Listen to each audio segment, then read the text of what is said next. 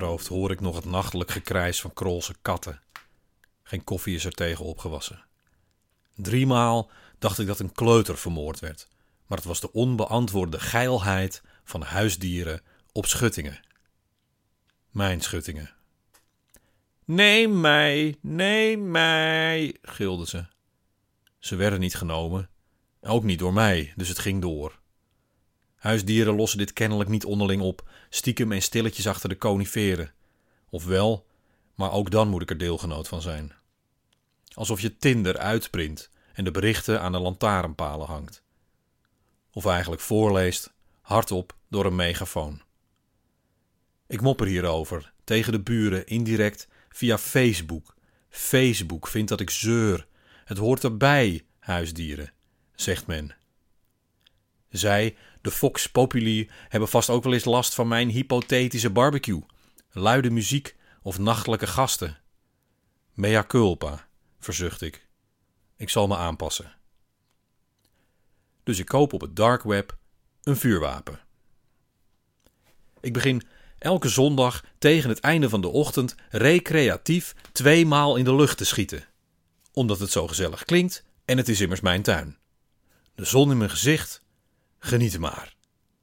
Die kogels raken vast niemand en bovendien hoort dat ook bij de natuur. Het leven en de dood.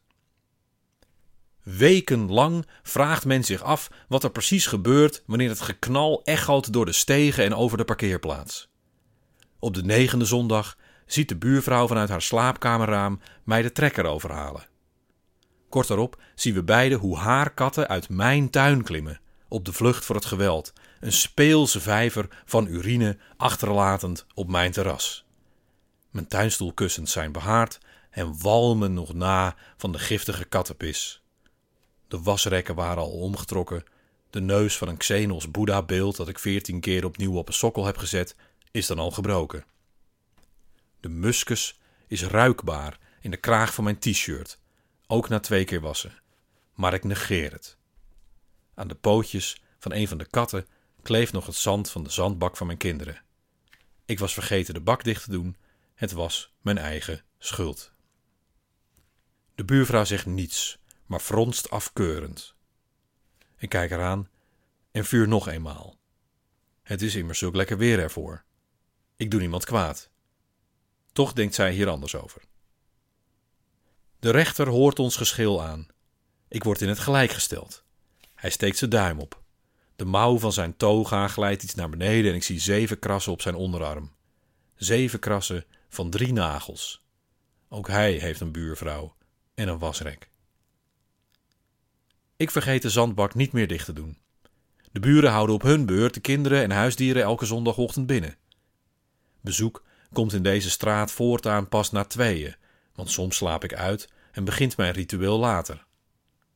Er wordt een kogelgat ontdekt in een zolderraam verderop, maar het is onduidelijk of dat door mijn wapen komt of die van een eventuele ander. Ik betaal de schade daarom uiteindelijk niet.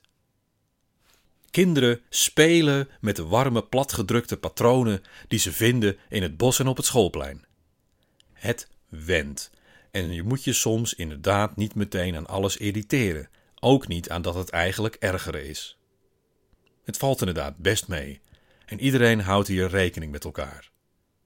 We moeten het samen doen. Gezellig toch?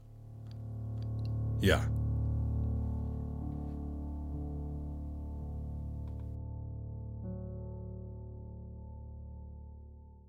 Nou, nou. Dit was Kogels en rekening houden met de buren. Een verhaal uit de reeks Zeg maar Bram. Volg mij op je favoriete streamingdienst of kijk op doorklink.nl voor een van hun andere prijzenswaardige podcasts. En zoek eens in de show notes naar mijn Instagram of Facebook en klaag daar over wat je allemaal bezighoudt. Nou, tot het volgende verhaal.